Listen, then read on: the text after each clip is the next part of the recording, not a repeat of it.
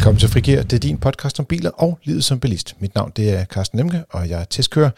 Med mig i studiet der har jeg i dag Yasser Abadji, tekniker i FDM Rådgivning. Hej Carsten. Hej Yasser. Og Dennis Lange, jurist og chefkonsulent i Økonomisk Politisk Sekretariat. Hej hej. Kan I få en lidt kortere titel næste gang? Tak. Jeg skal arbejde på det.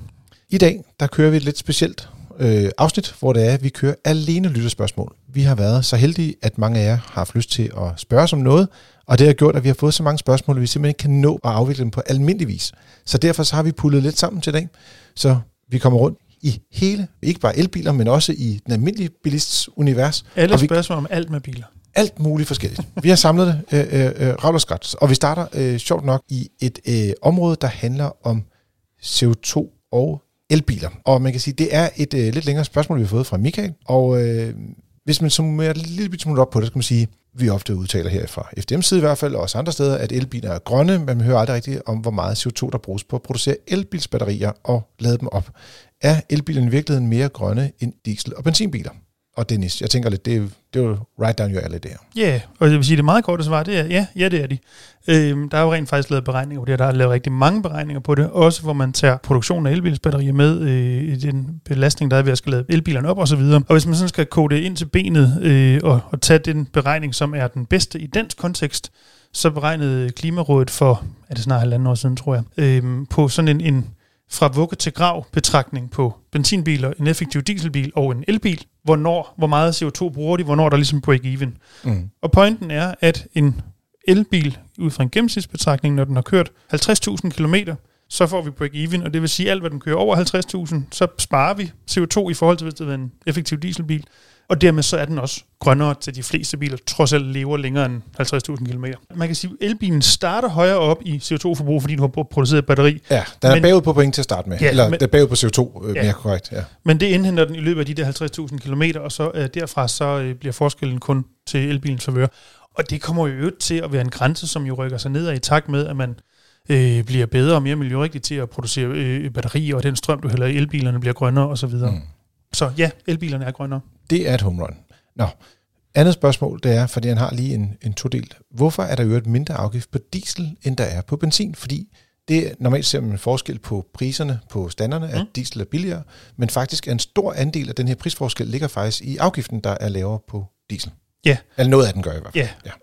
Øhm, og det er jo også sådan, det ser ud, når, som du siger, når man står og kigger ud på, på standeren ude ved, ved øh, hedder det en benzintank, når man tanker diesel? Ja, det gør det vel, strengt taget. Tankstationen kan Ja, tankstationen. Lad os tage det ord. Den er lidt mere... Ja, øhm, men det er jo bare ikke hele sandheden. Øhm, fordi hvis man er øh, privatbilist, og det antager jeg dem, der sidder og lytter til det her er, så hvis man har en dieselbil, så betaler man også det, der hedder udligningsafgift. Altså Mhm. en afgift, du betaler alene, fordi det er en dieselbil, du har. har. Øhm, og der er det rent faktisk sådan, at den afgift, der er på det rene brændstof, altså diesel kontra benzin, den bliver ud fra en gennemsnitsbetragtning opvejet af det beløb, du betaler i udligningsafgift. Så afhænger selvfølgelig af, hvor langt eller kort du kører, men gennemsnitsbetragtning, og det den oprindelige tanke var, er, så betaler du de facto det samme i afgift. Tjek. Ja. Det var svaret der til Michael. Og så skifter vi over til spørgsmål nummer to. Det er et spørgsmål, øh, hvor det er øh, også en Michael, skal lige siges, øh, har købt en Skoda Kamik, som han generelt set er ret glad for. Men han har oplevet øh, nogle forskellige situationer, hvor det er, at bilen begynder at ryste, og øh, han har været igennem en længere proces med sit værksted for at finde ud af, øh, hvor de her rystelser kommer fra. Og øh, jeg vil sige, konkret, der må Michael få noget hjælp inden fra en tekniker inde i FDM Rådgivning. Øh, og lige i det her tilfælde, der sidder, ja, så du sidder også derinde, men i dag der kan du måske hjælpe vores lyttere lidt generelt på vej. Du har jo også siddet øh, med skal man sige, øh, biler, der kommer ind på et værksted og har haft problemer med rystelser. Det er noget af det værste, skulle Mm. til at sige. Finde ud af, hvor kommer det fra. Kan du øh, løfte sløret for, hvor man sådan typisk ser rystelser i biler? Jamen altså, rystelser i biler, det er jo et kæmpe fænomen, især på, øh, på moderne biler med store fælge og, og hvad kan man sige, øh, små øh, dæk. Øh, Mm. mm. Altså selve dækhøjden, profilen på dækkene er ikke særlig høj i dag. Så mange af rystelserne kommer jo fra øh, hjul, dæk og fælge. Men hele drivlinjen og det meste, altså det hele drejer jo rundt, skulle jeg til at sige, i, i en elmotor og, og aksler og gearkasse og så videre. Så alt det, der hvad kan man sige, roterer og har en masse, det kan faktisk skabe rystelser. Øh, og det kan være rystelser i undervognen, og det kan være sidren i rettet, og det kan være øh, under acceleration for eksempel, kunne man, kunne man også godt have rystelser. Og det, som man er man er blevet øh, bedre til ude på værkstederne. Altså, jeg skal lige starte med at sige, det her, det er ikke mekanikeren eller teknikernes yndlingsopgave. Det, det er det værste, du kan byde en tekniker i dag. Det er at lave sådan en fejlsøgning på, på noget rysteri. Er det sådan på linje med, den siger en mærkelig lyd et eller andet sted? En gang imellem. Lige En gang imellem, ja. En gang imellem. Og helst en gang imellem. Fordi det skal være sådan, så at det er umuligt at finde fejlen, ikke også? Selvfølgelig. Ja, præcis. Og, øh, men det er sådan, at, at øh, der er kommet bedre og bedre udstyr derude, og man har faktisk øh, øh, noget, noget rigtig avanceret udstyr, der hedder NVH-værktøjer. Det er noget, der, der ligesom øh, kigger på øh, det, der hedder noise, vibration og harshness. Præcis. Og- jeg skulle lige til at høre, om du, om du havde de tre bogstaver også. Til vores kære lytter.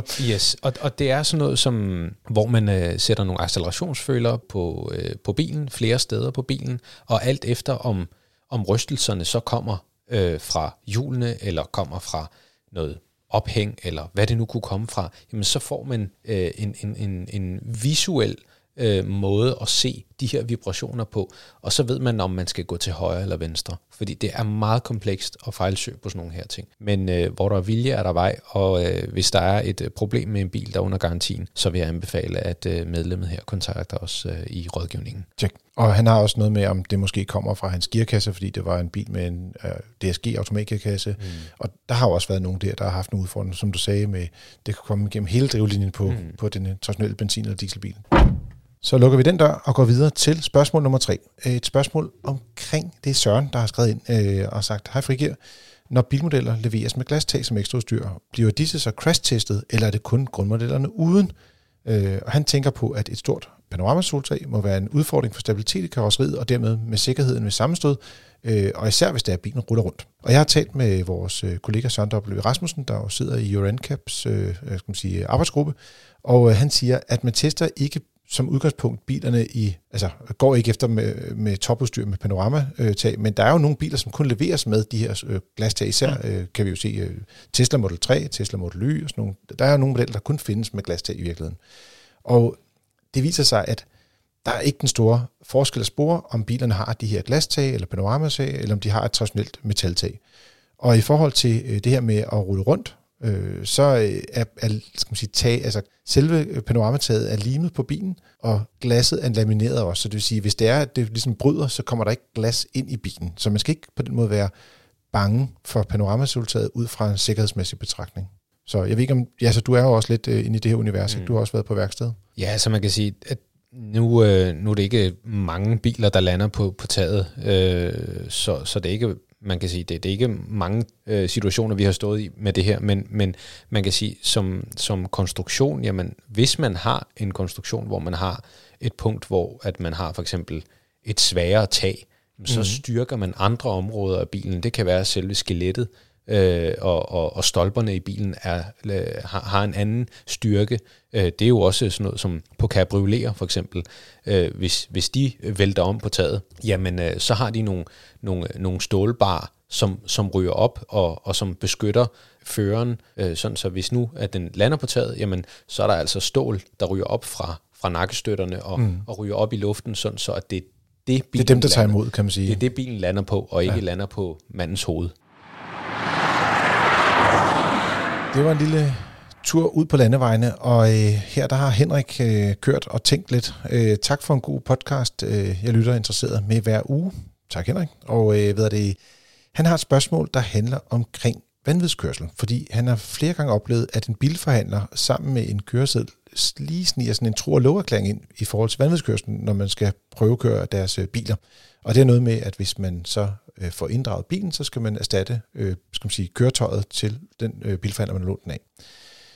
Men så siger han, at han har også oplevet, at det ikke bliver nævnt sådan særlig meget, når, hvis han skal aflevere sin bil til service. Altså, hvad, hvad sker der der? Øh, hvordan er, man, er der en brancheaftale, eller hvad sker der, hvis det nu er, at værkstedet kommer til at, at, ligesom at køre lidt voldsomt ud på vejene og bliver skal man sige, at få bilen konfiskeret eller beslaglagt? Ja, og det er, jo, det er jo, øh, jeg tænker, jeg svarer på den. Øh, Jamen, det, jeg synes, den, den ligger lidt right up your alley. ja, og det er, det er en super fin øh, point og en super fin problematik, som, som Henrik her øh, har fat i. For han har jo helt ret, at når man øh, er ude og prøve en ny bil for eksempel, så nu om dagen får man jo, hvis ikke altid, så næsten øh, lov til at skrive under på, en, øh, at man ikke vil køre vanvidskørsel, og hvis man gør mm. det alligevel, så øh, falder himlen ned, sådan mere eller mindre. Øh, man skal det, i hvert fald betale en masse penge. Ja, for det er jo den her problematik med, øh, efter de nugældende regler, at øh, øh, forhandlerens bil øh, kan blive øh, beslaglagt og senere konfiskeret, selvom at det var for eksempel en bilkøber, der kører i den, altså ikke ejeren selv. Øh, og det er det, hele der bunder tilbage i.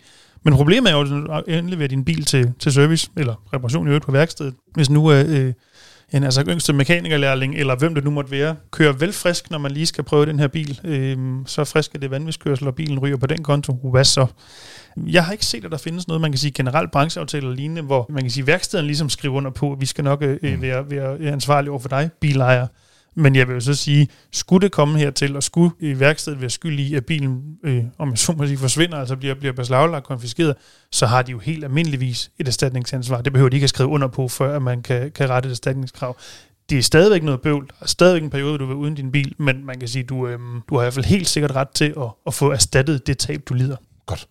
Det var faktisk lidt interessant, fordi der er mange, der har været i tvivl om det her med, at er det, skal der en underskrift til, før man ligesom bærer skylden eller skal erstatte. Men der findes en generel, skal man sige, generelt set er der nogle regler, som sikrer en i sådan nogle sager, hvor det er, at du har et, et, et ansvar over for, for det køretøj, du har lånt. Ikke? Uanset jamen, om du har skrevet under på noget konkret i forhold til vanvidskørsel. Det, det er jo helt generelle erstatningsbetragtninger. Altså hvis jeg låner noget af hvad ved jeg, din telefon, din computer, din bil, et eller andet, Carsten, og jeg smadrer den, jamen så har jeg jo et erstatningsansvar over for dig, øhm, uanset om vi måtte have skrevet under på noget eller ej. Og i virkeligheden underskriften, i, når du for eksempel ude og prøve at køre en ny bil, handler heller ikke så meget om erstatningsansvar. Den handler mere om, at forhandleren forsøger at sikre sig, at de rent faktisk at bilen ikke bliver konfiskeret. Fordi ja, det er de, præcis. Ja, det er det, det i virkeligheden de, handler de sikrer sig, øh, eller at, forsøger eller, de forsøger sig. at sikre sig, at du ikke har tænkt dig at køre vanvidskørsel. Det står som en del af, ja, af teksten faktisk. Præcis, præcis, fordi man kan, hvert fald de springende punkter i, i lovgivningen, og retspraksis er jo ikke helt på plads endnu, men det Nej, er vi går stadig og venter på et, altså et væld af sager, faktisk. Ja, præcis. Der, der er jo en del på vej, ja. kan man så roligt sige. Men det springende punkt er jo, om ejeren øh, havde grund til at tro, at det her udlån vi fører til vanvidskørsel. Og det er jo det, man prøver på at gardere sig ind ved at få den her underskrift. Men det har intet at gøre med erstatningsansvaret.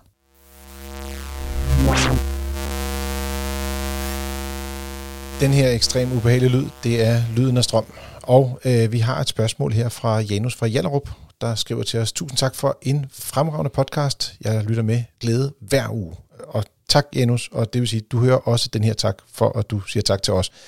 Vi er glade for at lytte med. Han har taget øh, vejledning både for os og andre på nettet, og det vil sige generelt set, folk bruger jo, har jeg hørt, 17 timer på research, når de skal ud og købe en elbil. Nå, så det er på nettet. Så der bliver brugt noget tid øh, derude også.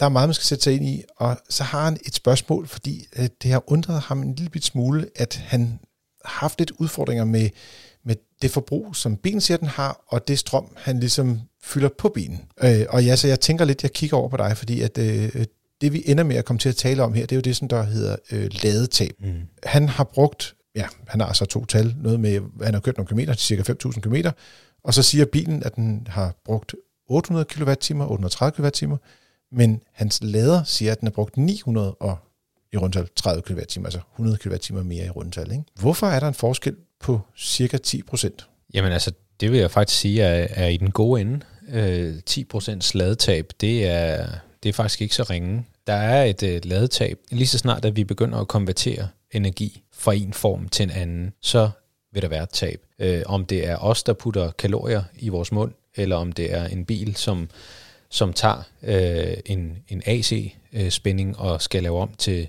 DC, øh, så vil der være noget tab. Man kan sige, der er flere tab i selve ladeprocessen. Når man lader, øh, så er der det her AC-DC-tab, og så er der faktisk også flere tab. Og de andre tab, det er, hvis batteripakken skal balanceres, så er der mere strøm på nogle celler end andre. Det vil sige, at man brænder det overskydende strøm på nogle celler af, for at ligesom at hæve pakken samlet. Det vil sige, at man kan bruge mere energi på at balancere pakken. Så der er også noget tab der. Udover det, når man oplader en, øh, en elbil eller en plug-in hybrid, jamen så er der det her 12-volt system, som sørger for, at bilen er vågen og ligesom kan holde øje med ladeprocessen. Så den her, det her 12-volt system, det skal hele tiden være vågent, og det får det strøm fra højvoltsbatteriet. Og der er også et tab, fordi man typisk konverterer fra 400 volt ned til 14-15 volt for at lade 12 volts batteri. Mm. Så der er hele tiden et, et forbrug i gang.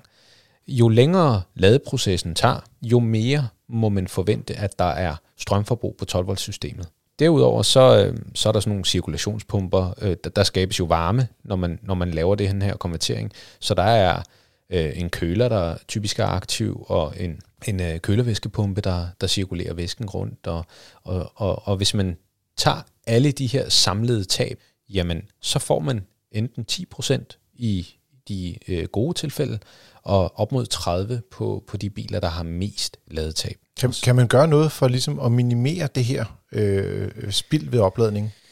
Altså man kan sige, at... Øh, Altså ved 10 procent, der er vi så langt nede, at der er nærmest ikke noget hent. Men lad os nu sige, at du har en bil, der er på 30 procent. Altså, mm. Skal man vente med at oplade bilen til for eksempel, hvis man har en garage, så sige, hvis du kører ind om vinteren, og der er koldt, mm. og batteriet er koldt, og så sætter du den bare til at lade om natten, fordi så har bilen stået inde i en varm garage, måske i 3-4 timer og blevet varmet op. Vil batteriet så kunne tage bedre imod strømmen, og dermed have mindre ladetab? Så man kan sige, i teorien, ja, så er det nemmere, men, men, men, men ofte så lader man jo ikke med særlig høje strømstyrker, når man, når man lader i, i, øh, i mm. kulde. Mm. Øh, men, men jo, man kan sige, det handler jo sådan set om, at det skal, det skal tage så kort tid som muligt at lade den her bil, og med så lidt øh, konverteringstab som muligt. Men jeg vil sige, oplade din bil, og så må du tage det tab, der er med. Hvis vi kigger på det sådan i forhold til en, en, en forbrændingsmotor, der er jo 70% tab, så, så det du hælder ned i, i, i, i brændstoftanken, jamen der må du forvente, at hvis du hælder en liter på, så bruger du kun 30 af dem til fremdrift, kan man sige. Resten ryger i varmetab og så videre, ikke? og i drivlinjens tab. Så der er tab, og der vil være tab, og ja, det, det, det er faktisk et meget kompliceret spørgsmål, fordi ikke to elbiler er ens øh, konstrueret. Så, men, men jeg vil ikke være, altså 10% tab, det er fint. Det vil jeg ikke være, det vil jeg ikke grønne på næsen af. Helt i hverdagspraksis siger han, han typisk lader fra mellem 20 og 30% kapacitet, eller rækkevidde, rest, reststrøm på batteriet til 100% hver dag, mm. for ligesom at kunne klare øh, den daglige kørsel, og især her om vinteren. Og nu skal vi lige sige, øh, det er en, øh, den bil, han har, det er en Folkevogn øh, e-Golf, mm. Og øh, jeg husker den som værende med sådan en rækkevidde sådan med blandet kørsel på omkring 200 km eller sådan noget. Mm. I den stil. Nok, nok lidt mindre, hvis hun kunne kun køre motorvej. Øh, men så siger han, kan man forvente, at der er mindre spild, hvis han kun lader til 80 procent. Altså generelt anbefaler de fleste bilproducenter, at man lader batterierne til mellem 80 og 90 procent i det leje. Mm. Ikke? Mm. Men, men er der så også noget besparelse på ikke at skulle lade helt op til 100, altså det med, at den skal balancere ud og så mm. være fyldt helt op? Ja. Det, der er så øh, øh, spændende ved de her batterier, det er, at øh, der er ikke nogen regler som sådan. Jeg troede faktisk, du skulle til at sige, at det er en levende organisme, og jamen, altså, det er det også. du skulle trække mig ned i det, jamen, fordi du plejer jamen, det, er det, det er det faktisk Og tale også. om det her med, det er jo kemi, og ja, ja. det er jo liv. Og ja, ja, præcis. Men, men, men man kan sige, det, og det sjove er, at, at og han er inde på noget helt rigtigt, fordi du kan ikke forvente, at tabet fra 80 til 100% er det samme som tabet fra 60 til 80%. Så det er ikke en lin, et lineært tab, hvis man vil øh, øh, regne tabet ud, jamen så skal man, altså det, det vi har gjort nogle gange, det er, at, at vi har fuldstændig afladet de her biler, til de sådan set afbryder batteripakken, og så lader vi dem op, og så ser vi det totale tab. Det her tab, det er jo ved AC-ladning. Du har jo også et helt andet tab, når du lader DC-ladning. Mm. Fordi der, der skal bilen bruge meget energi på at, at køle batteripakken. Så, så, så når der står for eksempel, at bilen der lader med 120 kW, så er det måske kun 110 kW, og de 10 øh, af dem bliver faktisk brugt på køle batteripakken. Så jeg, jeg har ikke et specifikt... Øh, altså, så de der speedometerhastigheder, man ser på, på lynladerne, det kan nogle gange godt være lidt fake, fordi det er ikke det, du reelt får, men det er jo det, du reelt bruger Lige hvis man skal sige det, og noget af det går så til køling. Ja, noget af det går til køling, og, og igen er, er bilen jo øh, vågen, øh, 12-volt-systemet, mm. og kredsen er vågen, og der skal køles på, på, på forskellige... Så her om vinteren kan det godt være, at folk de ikke har lyst til at slukke for varme, for eksempel, mens de sidder og venter en halv time. Eksempelvis. Ikke? Ja, ja. Så, så, så ladetab er et øh, kæmpestort emne, øh, og man kan kun sige, at der er ikke en, en, en, et facit. Øh, det er der ikke. Vi har endnu et elektrisk spørgsmål her, eller ret det er nærmere en kommentar fra øh, Lars fra Silkeborg, efter medlem naturligvis, sådan skal det være. Og han siger, at øh, jeg forstår det lidt sådan, at de generelt er ret positive over for elbiler, og øh, det er han egentlig også meget enig i. Men han synes også nogle gange, at vi lidt kommer ind på nogle tekniske detaljer omkring ladeeffekter, ladekurver og temperaturafhængighed og energieffektivitet i bilen. Jeg vil sige, det svar, du har givet lige før, ja, så det er i hvert fald ikke noget, som gør folk, at de bliver mindre... Øh, hvis, hvis de er teknikforskrækket, kan det godt være, at de bliver lidt bange for det. Men mm. i realiteten er det jo bare for at forklare, hvordan det er, mm. det fungerer. Og øh, åbenbart øh, i forbindelse med, at jeg havde fortalt om min, øh, min, min, min, min sommertur øh, til, øh, det var Kroatien, øh, hvor vi kørte på langtur, hvor jeg fortalte lidt omkring, at det var sjovt at planlægge turen og sådan nogle ting, at det er måske ikke, jeg siger, det er jo ikke alle, som der synes, at det er sjovt at sidde og kigge på en telefon og planlægge, øh, hvor den næste ladestand er. Og det må jeg sige, øh, undskyld øh, Lars og alle andre derude, der går over vejer elbiler. Øh, det vil jeg godt tage på min skulder.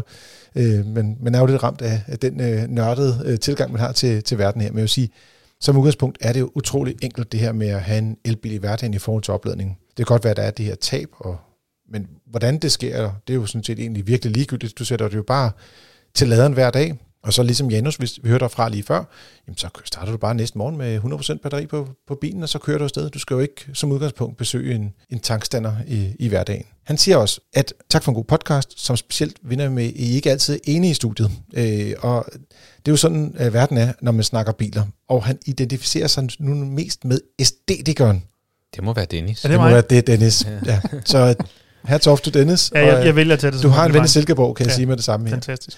Men øh, det forstår jeg også godt. Han, han har også nogle gode pointer omkring design. Det er også vigtigt. Men kan man ikke, øh, den første lidt der med, med, om det er besværligt, om det ikke er besværligt osv., kan man måske ikke lidt sige, at det, der er jo en hel masse nye begreber, som, som vi og alle andre skal til at lære. Nu har vi været vant til benzin- og dieselbiler i 100 år, øhm, og det ved man ligesom på ryggraden, hvad er og hvordan fungerer osv. Nu er det en ny verden, der er nogle nye begreber, nogle nye vaner, der skal vende, øh, læres.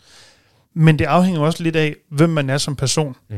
Mm. Er du person, der bare sætter dig ud og drejer nøglen og trykker på knappen, eller sætter dig i sædet, hvad man nu gør om nogle dage, og kører og ikke gider bekymre sig om noget, så kan du også sagtens gøre det i en elbil. Du skal selvfølgelig huske at stikke i, men du skal da også huske at fylde benzin i en benzinbil.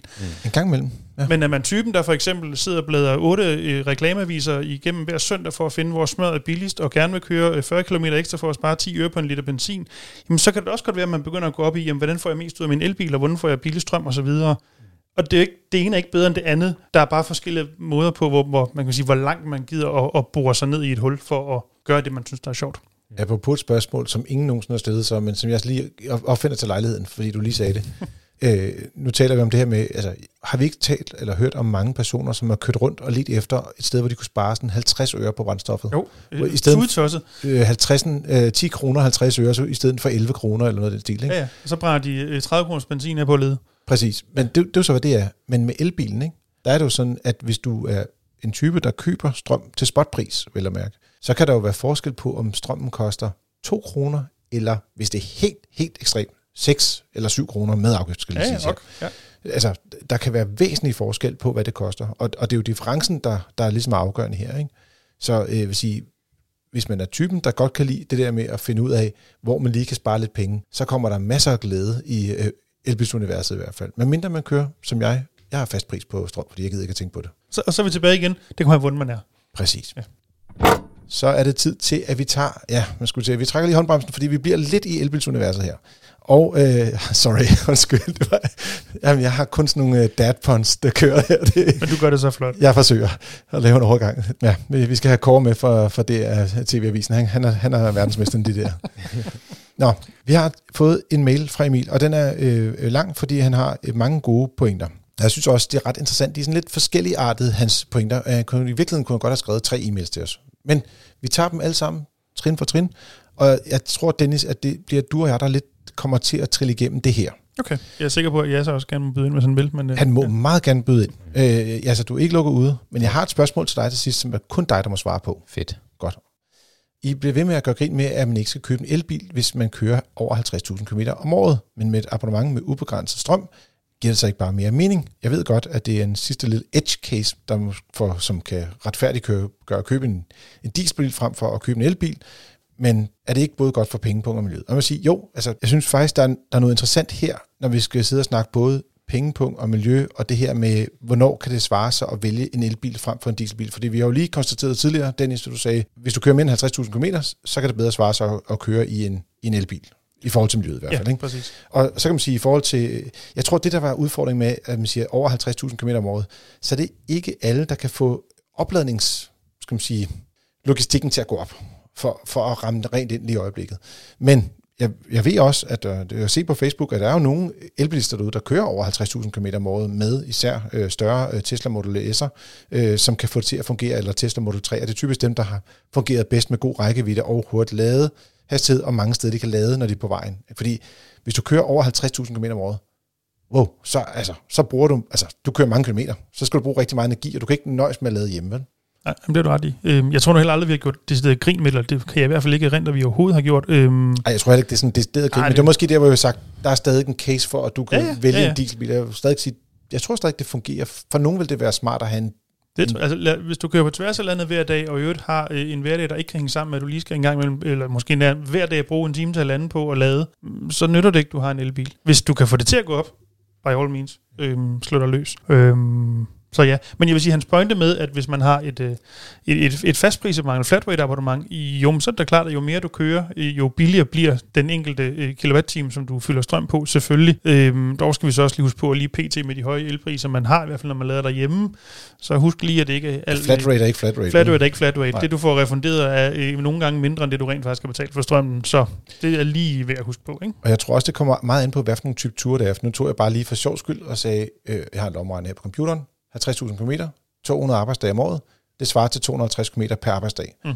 Og det kan du jo godt køre på sådan en bil. Altså, Jo, jo. Der, alle de her øh, elbiler med større batterier, de kan køre mindst 300 km på motorvej. Så det kan du faktisk ramme ind uden problemer. Men hvis du er sådan en type, der kører lidt færre gange om ugen, om, altså, Men og meget så langt. kører 1000 km Ja, ja, de dage, så kan det godt begynde at knibe lidt. Så det afhænger lidt af, hvordan man kører, Emil. Men øh, tak for opmærksomheden i den retning.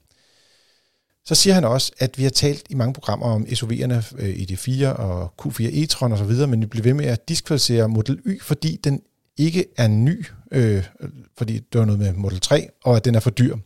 Og så siger han, har I nogensinde købt ekstra udstyr til en Audi? Hvis den skal spækkes nogenlunde lige, så synes jeg der er ingen måde, at øh, Model Y'en er for dyr. Øh, og så siger han, det er fair nok, at man har sådan en, en, en smagsting, men så siger han noget med, om, om det er noget med, at man mainstream media, der for, konstant forsøger at undgå Tesla, eller kun har negative historier om, dem er der nok af, I må godt fokusere bare på bilerne. Og, jeg, og det er jo sådan, vi er jo inde i sådan noget med, hvad for en bil kan man godt lide, eller er man særlig øh, grov over for nogle mærker i forhold til andre mærker. Det, det er sådan lidt nogle temaer her, så jeg synes, det er interessant, fordi det er sådan lidt, det er lidt bløde værdier, vi har fat på her også, mm. noget af det. Øh, og jeg vil sige, hvis det er i forhold til Model Y, som skal man sige, i forhold til at kåre årets bil i Danmark, fordi der har vi i hvert fald snakket, om- der har jeg i hvert fald snakket om det her. Der synes jeg, det er bare et spørgsmål om, at den, at den ikke er ny nok. Men det er jo et spørgsmål om en kåring, det er jo ikke et spørgsmål om at vælge bilen til hverdagsbil. Nej, nej. Så, så på den konto vil jeg lige sige til at starte med, der synes jeg helt klart, at der, der var ikke nok nyt i den for mig, Øh, men derfor kan den jo godt fungere godt til, som hverdagsbil for mange mennesker. Når man så taler om den som hverdagsbil, så er der meget udstyr, som man ikke kan få, eller rettere sagt. Man kan næsten ikke købe noget ekstra udstyr til en Model Y, og det gør, at hvis man har nogle særlige udstyrsønsker, så er der noget, man simpelthen ikke kan få, hvis man går Tesla-vejen. Og det kan man så få i nogle af de andre bilmodeller. I øvrigt også Hyundai og Kia, som vi har talt meget om. Der er mange andre øh, Polestar øh, 2, øh, Volvo har også nogle modeller, som også kan være interessant i det her prisleje i hvert fald. Ikke? Jeg ved ikke, om I har nogle kommentarer til det? Nej, det eneste, jeg tænkte, det var, at jeg tror måske nok, Carsten, du nok, hvad kan vi sige, mere øh, professionelt belastet til at være, øh, være neutral i din holdning, personlig holdning til bilerne, fordi det er sådan set det er din hverdag typisk, ja, ja, ikke? altså, Hvor, hvor jeg og jeg så nok mere øh, er tilbøjelig til, og for mit vedkommende vil jeg også vil absolut forbeholde mig retten til at have min fuldstændig egen mening, om jeg synes, en bil er fed eller ikke er fed, mm. på de parametre, du engang måtte gælde. Øh, Som udgangspunkt må jeg egentlig ikke have en personlig holdning. Det skal være ud fra de øh, testkriterier, vi sætter op i FDM. Og, og der har vi jo sat nogle parametre op, især i forhold til sikkerhed og altså, økonomi og sådan nogle ting, som helt, altså virkelig kedelige ting. Men det er jo der, hvor vi vurderer bilerne ja, i virkeligheden. Ja. Øhm, og man kan sige, hvis man ikke er enig i, i de vægtninger, vi laver, for eksempel, og ikke enig, mm. hvis jeg synes, en bil er grim, hvis man synes noget andet, slå dig løs. Altså, Ja, ved du og købe hvad? bilen. Ja, du bliver glad for den, det er det Lige vigtigste. præcis. Lige præcis. Mm. Øhm, og det er jo, når det kommer til, hvad der er vigtigt i en bil, og hvordan man føler, man sidder i den, og hvordan den kører, man kan lide, hvordan den ser ud, og man kan lide, hvordan øh, infotainmentsystemet virker osv., det er jo fuldstændig individuelt. Det er en subjektiv ting. Jeg har lige siddet i Model Y i 355 km i dag, fordi jeg er ude og prøve at lave noget rækkeviddemåling på den. Og øh, det slog mig, hvor dårligt affjedret den egentlig var. Altså, den, den sidder og støder hele tiden, men så sådan duk, duk, duk, duk, duk, duk, duk, duk.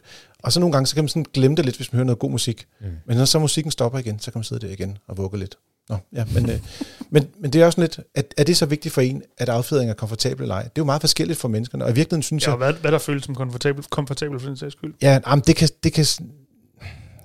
Nej, Carsten, du kan ikke bestemme, hvad vi skal synes er komfortabelt nej, jo, men jeg vil synes sige, for eksempel, at en bil, der er blød i det, er super komfortabel at køre i. Jeg kan ikke have det. Jeg skal have en bil, Nej. der er fast i det, nej, men til eksempel. Men du kan, du kan ikke ændre på, om bilen er blødt affjedret, eller om den er fast affjedret. Men du kan, du kan vurdere, om du kan lide det ene eller det andet. Ja, præcis. Lige præcis. så præcis. for os er det et spørgsmål om, at vi skal beskrive bilerne så godt som muligt, som de opfattes, når vi vurderer dem ud fra, hvordan konkurrenterne også kører. Det, og i virkeligheden synes jeg nogle gange, det er irriterende, at vi skal give stjerner til biler, fordi det fjerner faktisk fokus for selve teksten, som faktisk er den anmeldelse, der er interessant, som man skal forholde sig til. Nogle gange siger folk, ah, jeg har også kun givet den tre stjerner, hvorfor det? Og så sidder de og leder efter et eller andet, som de kan blive sure på. I stedet for at bare læse teksten og så sige, okay, nå, det der var egentlig, det der kan jeg godt lide, det er interessant for mig. Mm. Fordi at alle folk har jo ikke samme vægtning, når de skal vælge bil. Nej, bestemt. Øhm, og altså, hvis man ikke er enig i øh, det, vi siger, og det motorjournalister øvrigt skriver, øhm, så gør noget andet. Altså, jeg har da selv hvert fald ejet to biler, hvor ikke ret mange journalister synes, at det var et godt valg. Det synes jeg. Jeg, bifælder din valg. Jeg synes, de er interessante. Et, øh, et, et tredje punkt, som, øh, som Emil havde fat i her, og, og skal sige, det er også derfor, at sige, det, det er, de, er, de skifter sådan lidt retning, men de har alle sammen til øh, et, et godt fokus, synes jeg faktisk. Han siger, at i de sidste to programmer har I brugt meget tid på at skille Renault ud for deres Zoe og Dacia ud for deres Spring. Og øh, det, det kan jeg sige, det, øh, det har vi også gjort i sidste afsnit faktisk, så det er vi oppe på, at vi har gjort det tre gange nu.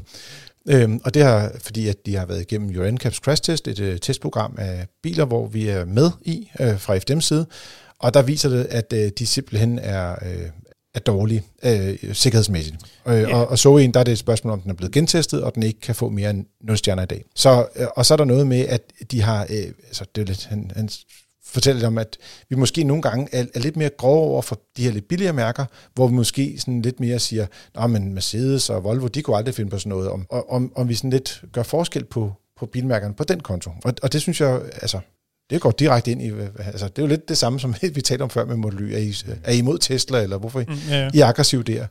Øh, Men jeg kan huske, det afsnit, hvor vi talte om øh, crash-testen af, af Zoe og, øh, og Spring, øh, øh, det må blive to af de pointer, der var. Det var det ene er jo Renault, hvis vi starter der, er jo et mærke, som i mange år slået os op på at have femstjerne biler, sikre biler. Hvis du køber en Renault, så er du sikker. Det er sådan, som om Renault Laguna var den første bil overhovedet, der fik fem stjerner i det system. Ja, det mener jeg bestemt ja. også. Øhm, og derfor så er det jo meget bemærkelsesværdigt og kritisabelt, at de så nu har en bil, du kunne ned og købe for handleren, der vildt får 0 stjerner.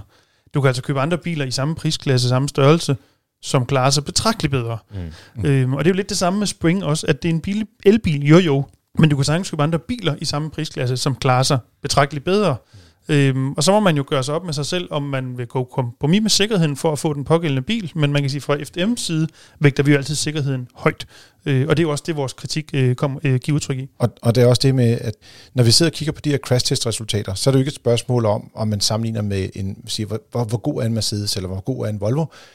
Det bliver vurderet ud fra nogle, øh, skal man sige, det er selvfølgelig nogle kriterier, man har valgt, men så ender det med at blive et testresultat. Og så mm. siger man, vi vil have, at de skal kunne sådan og sådan, for at de skulle få fem stjerner. Og om det så, der står øh, Renault, eller Dacia, eller Mercedes, eller Volvo, øh, det er sådan set lige meget. Jeg kan huske i starten, da vi da lavede nogle af de her crash tests, så havde de tunge biler faktisk lidt svært ved at få fem stjerner, øh, og, og nogle af premiummærkerne fik faktisk ikke topkarakter. Men det har de øh, så at sige, lært at finde ud af, hvordan man skal lave sikre modeller, der også klarer sig godt i, i de her crash tests. Så jeg vil sige, lige præcis på resultaterne, øh, og, og der er vi ret hardcore. Altså hvis de går ned og har 0 eller 1 stjerne, så får de en hård kritik. Ja. Yeah.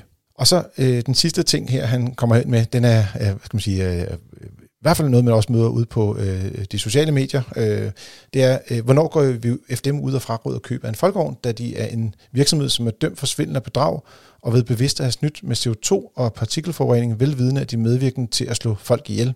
Og så siger han, men Renault er sikkert nogle svindler, man ikke kan stole på. Nu vil jeg sige, hvis vi bare lige tager øh, folkevogn, det var jo et, øh, en, en, skal man sige, en skandale, hvor der var, øh, og skal vi lige huske at sige for, for en del år siden, hvor det var, at de havde rent faktisk havde snydt med måden, at øh, hvilket køreprogram bilen kørte i, afhængig af, om den blev testet i en testbænk, eller om den kørte på landevejen. Ja, som Kort fortalte, den var lavet så den miljømæssigt performede bedre, når den blev testet, testet i en ja. testbænk, end ude i den virkelige verden nu kan jeg ikke huske, om det var, jeg mener, hvis, hvis baghjulene holdt stille, eller der var nogle ting, hvor den fandt ud af, om den var på en bænk, eller om den kørte i, landevejen. Og de var jo, altså, der blev fyret folk i flæng. Vi lavede en forside i FDM-regi. Ja, vi dækkede det intenst. Vi dækkede det intenst. Mange måneder i øh, og øh, jeg vil sige, det er i hvert fald ikke vores skyld, at, at, at, at Folkevogns salg det fortsat med at være godt. Og man kan sige, mange af vores medlemmer har også gået ud og valgt de her biler, uden at vi har sådan stået og øh, skal man sige, klappet dem på skulderen og sagt, det skal I vælge. det er sjældent, vi gør det, hvis, om nogensinde. Ja, så, øh, men jeg vil sige, det er jo heller ikke sådan, at, jeg ved ikke, det, det er jo ikke, som bilerne er. De for det første blev alle bilerne lavet om med softwareopdateringer og tekniske opdateringer, og bagefter kan vi sige, de biler, de producerer i dag, Øh, og mange af de biler, der i hvert fald har klaret sig godt i vores test, det har også været øh, biler, som kører på anden teknologi, som for eksempel elbiler. Øh, og der kan jeg ikke se, hvorfor vi skulle gå ind og, og sige, hvis de har sagt øh, undskyld, og det har de gjort i stor stil, de har betalt masser af penge i USA i hvert fald, de har, end, har brugt en masse penge på at og, og ligesom rette op på deres øh, svindel og humbug, men et eller andet sted må man også sige, nu er straffen udstået, og så er, er det bare et bilmærke som alle andre bilmærker, og så må man vurdere bilerne, som de er. Så det er sådan lidt, sådan jeg ser på det. Og så siger han jo også, øh, Emil siger, tak for et godt program, øh, gode snakke, og også selvom I godt må være lidt mere uenige, de fleste gode podcasts kræver en flir uenighed og diskussion, så det ikke bare bliver et flerstemmigt kor. Øh, og, og der tror jeg, vi har et lille problem, fordi hvis nu så sidder og siger, når det er, at man sidder og kigger på en øh, solcelle, der ligger inde i et batteri, og den så bliver, bliver 3 øh, kvadrat højere, øh, der vil jeg sige, det kommer jeg ikke til at sige nej til. Men hvis vi sidder og taler om design på en bil, så kan vi godt være uenige. Ja. Jeg ved ikke, hvordan, hvordan har I det med, med den uenighed, der også øh, der, der er nu blevet pirket til to gange, faktisk. Ja, jo, jo men, som jeg ser det, øh, der er en hel masse punkter, hvor vi er enige, og så er der en hel masse punkter, hvor vi er uenige. Men det er jo ikke, fordi vi planlægger hverken enigheden eller uenigheden. Det er jo, hvordan vi nu engang mener om det pågældende vi snakker om. Og ja. jeg holder mig i hvert fald ikke tilbage, hvis jeg synes øh, noget andet, end I gør, og det fornemmer jeg heller ikke, I gør. Ja. Tværtimod. Og, øh, altså, vi, vi prøver at forberede os så lidt som muligt, øh, og især når vi har de her spørgsmål fra øh, vores kære øh, lytter, sådan at I kan få vores umiddelbare øh, holdning, øh, professionelle vurdering af, af jeres øh, spørgsmål. Og så er vi til klar med det sidste spørgsmål, spørgsmål nummer 8 her. Hej Frigir, har I nogle erfaringer med, om man kan bruge et uoriginalt offentligt ladekabel til eksempelvis en Ford Kuga plug-in hybrid? Spørg Anders. Og ja så, jeg tænker, du får simpelthen lov til at svare på det her. Det, det er et øh, spørgsmål, som øh, i princippet er ret enkelt, men jeg går ud fra, at du har et øh, kompliceret svar. Og det går du alligevel ud fra. Jamen, øh, øh, ladekablerne, og i det her tilfælde et øh, type 2-kabel, det er jo et, øh, der findes jo en standard, øh, og det er en, øh, en international standard, og, en, og, og også en europæisk standard, øh, og det betyder, at uanset øh, øh hvilket type 2-kabel man har, jamen så er det sat op på, på samme måde, kan man sige. Benene vender ens, stikkene er hvad kan man sige, placeret ens, og så kan man så lade sin bil. Så, så uanset om man bruger et trefaset øh, kabel, men kun har en etfaset bil, jamen så sørger bilen for at tage den strøm, den har brug for, og ikke gøre noget, den ikke må, kan man sige. Der, hvor vi ser forskel, det er på, på kvaliteten af kablerne. Nogle kabler er hvad kan man sige, meget kleine øh, i deres øh, konstruktion, meget simpelt, meget, øh, altså, øh, man, kan, man kan mærke, at fornemmelsen af kvalitet er ikke særlig høj. De kan gå lettere i stykker og så videre, øh, hvor andre kabler, typisk de, de lidt dyre kabler, jamen der er, øh, der er lidt mere gods i kablerne, og de, de går ikke lige så let i stykker, også hvis man kommer til at tabe det især, eller hvis man kommer til at køre det over med bilen. Så, øh, men jo, øh, man burde kunne bruge et kabel. Øh, bare sørg for, at det er et CE-godkendt kabel, altså at, at det er sikkerhedsgodkendt, øh, så er der ikke nogen ko på isen. Hvis jeg sådan lige skal opsummere og være lidt fræk. Mm. Der findes kabler, som enten kan køre 16 ampere eller 32 ampere, og de 32 ampere, det betyder, at der kan komme mere strøm igennem, og de er også typisk lidt dyre. Mm. Så kan man få øh, kabler med, som du sagde, en eller tre faser typisk, mm. Det er bare for at sige, det med en fase, det er enkelte elbiler, men det kan også godt være rigtig mange plug-in hybrider, der har de her kabler, som følger med bilerne. Ja. Og det vil sige, hvis du tager sådan et kabel med en fase og sætter det til at oplade en elbil, der kan lade med normalt tre faser, mm. så vil den kun lade med en fase, fordi det er det, der er i kablet. Lige præcis. Og så den sidste ting, du siger med kvalitet, så har jeg også lagt mærke til, at når du kigger ind i stikkene, mm. så er der noget, noget forskel på, hvor godt de er bygget. Mm. Og afhængig, altså på materialekvaliteten af selve den her kontaktflade, der kommer med altså ladestikkene i bilen, eller ladestikkene på selve opladestanderen, eller ladestanderen. Mm. Og der er det sådan, at hvis du køber de meget billige kabler, mm. så bliver de slidt hurtigere, mm. og dermed så kommer kablet til at gå i udu. Mm. Det, er jo ikke, det her kabel kommer ikke til at leve evigt, skal vi lige huske. Intet lever for evigt. Intet lever for evigt. Jo, jo.